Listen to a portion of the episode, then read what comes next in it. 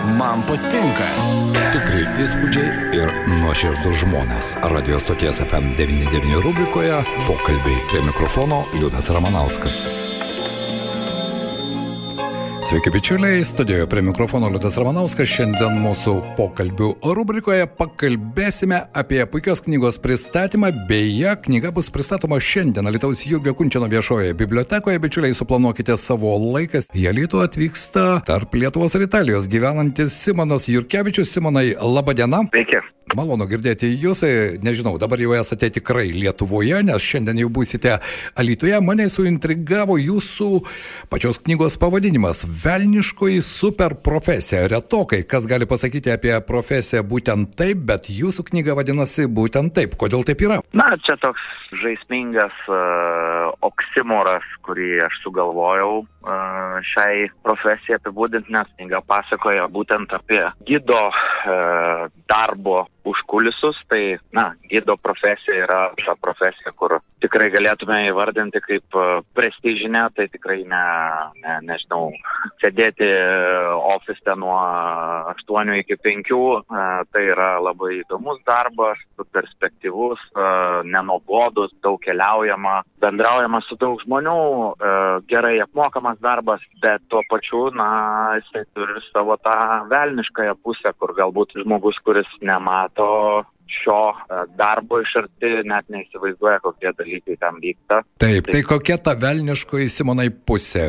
Atskleiskite šiandien, aš suprantu, kad visko, kas sudėta į knygą, šiandien nepasakosime, bet vis dėlto suintriguoti mūsų klausytojus verta, tai ar iš ties gido profesijoje yra ta velniškoji pusė? Tikrai taip, nes uh, būtent aš, kai išvykstu į darbo sezoną, tai netgi ir draugai, giminės ar pažįstamiai man dažnai sako, sako, kai aš sakau, kad va, važiuosiu jau pradėsiu dirbti, sezonas prasideda, jie man sako, tai koks ten darbas, kad tu pastoviai atostogauji, tik keliauji, e, mėgi prabangiuose viešbučiuose, valgai restoranuose kasdien, kruizinėse kelionėse, ten selfinėse. Jo, taip yra, tas yra tiesa, bet yra dar kita pusė, kurios nemato paprasti žmonės, tai yra nežmoniškas stresas, įtampa, atsakomybė, pastovus susidūrimas su neadekvačiai žmonėmis, visokios force majorinės situacijos, kur galbūt netgi uh, paprastas žmogus ir nesugebėtų susitvarkyti, nes reikia labai, labai didelės ištvermės ir kantrybės. Tai mhm. čia vas atsiskleidžia toj velniškoji pusė. Aišku, Simonai, vis dėlto, kaip ten bebūtų, gido profesija tai yra paslaugų arba net nežinau kaip pavadinti, bet vis dėlto kiekvieną dieną skirtingi žmonės. Ar rašydamas knygą sudėliojote tuos žmonės, su kuriais jums tenka kaip gidui susidurti ir į tam tikras kategorijas. Aš suprantu, kad dėlioti į stalčiukus neverta, bet iš tikrųjų žmonės skirtingi. Ko gero, kiekvienoje šalyje mes turime tam tikrų vietinių ypatumų, na, o gidui tenka susidurti su pačiais įvairiausiais žmonėmis. Tad ar mes galime būti sudėlioti į tam tikrus stalčiukus?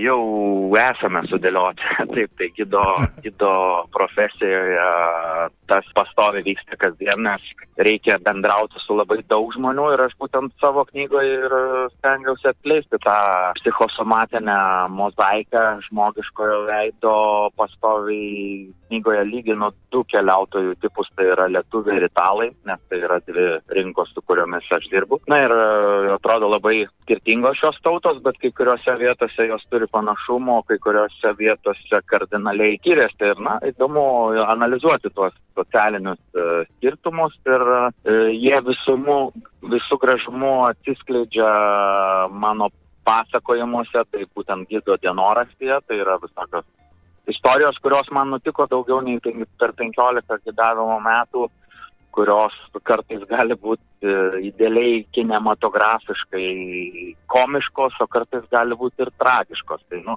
tai yra žmogaus sielos portretas, sielotyra, galima sakyti taip.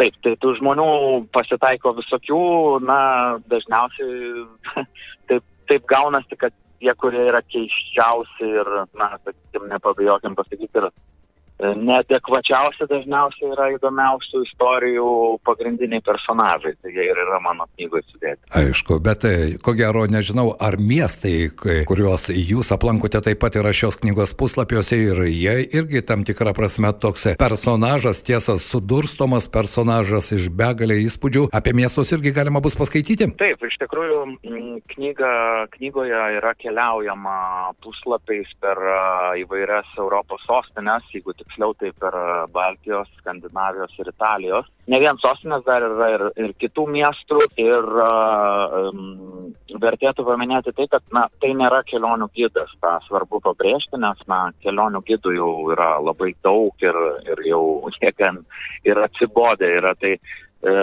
mano prašoma miestai yra tiesiog tarsi momentinės, labai asmeniškos e, nuotraukos. Tai miestai, kuriuose aš daug laiko praleidau ir juos aprašau ir pasakoju tai, kas man įdomu, o ne tai, ką reikėtų pasakoti. Nes, tarkim, kelionių giduose reikia pasakoti tą, ką reikia, na, ten, pri, vien tik privalumus.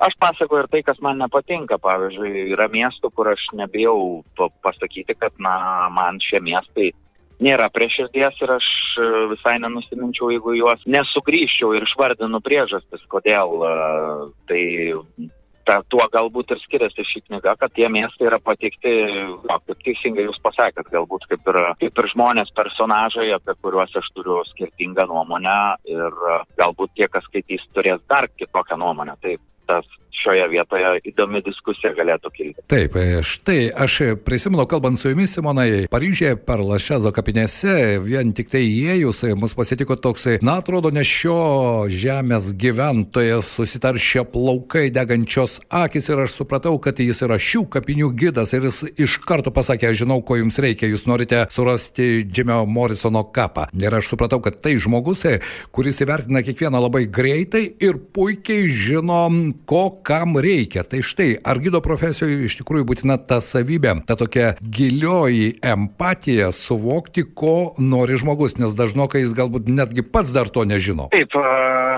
aš esu iš savo knygoje prašęs šitą dalyką, ką turi turėti gidas, esminės savybės tam, kad atlikti šį darbą ir kad ne tik kelionė gerai pasisektų, bet ir kad keliautojas visapusiškai gerai laiką praleistų ir, ir ta kelionė jam kažką paliktų, kažką duotų daugiau negu tas, na, sakykime, banaliai išvyka, selfiukai ir dovanos suvenyrai, kuriuos parsivežam namo. Tai į šią profesiją įeina labai daug aspektų. Gidas turi būti visų pirma geras psichologas, nes kelionėje įvyksta visokie netikėtumai, ne, nepabijokim pasakyti, nelaimės, force majorai, tai, na, gidas yra iš esmės vedlys, tai negali pasakyti, čia ne mano reikalas e, ir e, aš nieko negaliu padaryti. Na, aišku, galima tai pasakyti, bet tai nebūtų rimtas gidas. E, bet taip, gidas turi mokėti skaityti žmonių akis ir sielas, jis tai iš anksto turi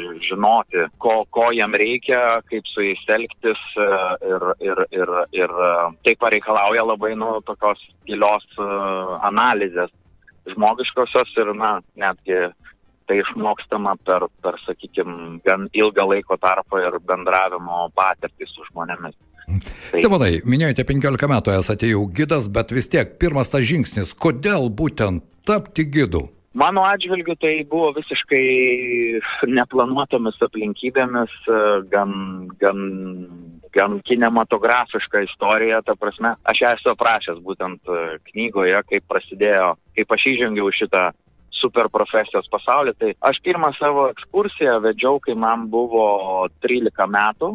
Wow. Ir, ir vedžiau, vedžiau maždaug 50 lietuvių grupę Romoje, Vatikane. Ir um, tai įdomiai labai susiklostė, nes iš tikrųjų 90-ųjų pabaigoje aš su šeima e, persikrauščiau gyventi į Italiją, į Romą. Ir e, tais laikais e, tų kelionių nebūdavo daug, o gidų dar mažiau, sakykime, iš vis nebūdavo Romoje tų liet, lietuvė kalbių gidų. Mano tėvai e, buvo žurnalistai, na tai kadangi pažinojo miestą, tai juos kreipdavosi grupės, kurios atvykdavo, tos senoviškos oldschoolinės autobusais. Na ir vieną kartą gavosi tiesiog taip, kad mano tėvai buvo suplanavę ekskursija jau buvo užsakyta, bet jiems reikėjo išvykti diplomatinę darbo kelionę į Kubą ir, ir ką. Ir tėtis sako, nori, nori šimtą tūkstančių lyrų užsidirbti. Čia būtų dabar analogas šimto eurų. Ir nori, nenori, buvau taip ir įstumtas į šitą baseiną, nemokant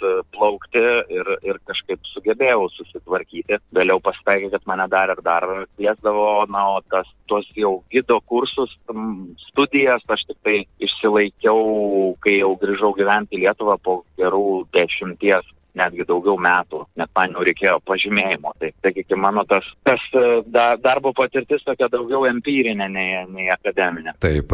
Simonai, aš suprantu, kad viską neišpasakosime, bičiuliai. Šiandien 17 val.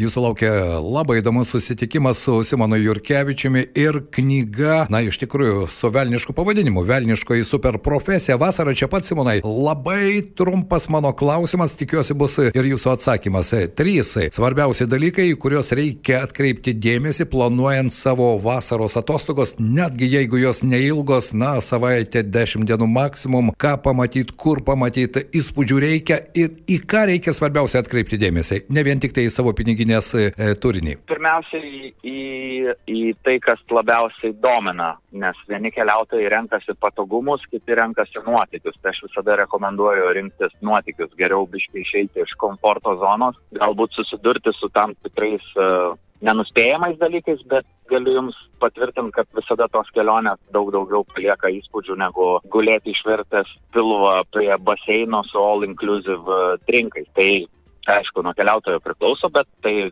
sakyčiau, įsivertinti pirmiausiai savo tikslus, galimybės, nu ir aišku, piniginis faktorius visada neišbrauksi jo. Be jokios abejonės, ačiū Simonai šiandien už šios e, tris trumpus lakoniškus e, patarimus, nu, o tikiuosi, kad įdomus pokalbis šiandien laukia Jurgio Kunčino bibliotekoje. Dėkui, geros viešnagės Dzukijos sostinėje ir be jokios abejonės skaitykite knygas, jo lapą su tokiais pavadinimais - Velniškoji superprofesija. Simonas Jurkevičius buvo mūsų pokalbių pašnekovas. Ačiū Simonai. Ačiū Jums tikri įspūdžiai ir nuoširdus žmonės. Radio stoties FM99 rubrikoje pokalbiai prie mikrofono Liudas Ramanauskas.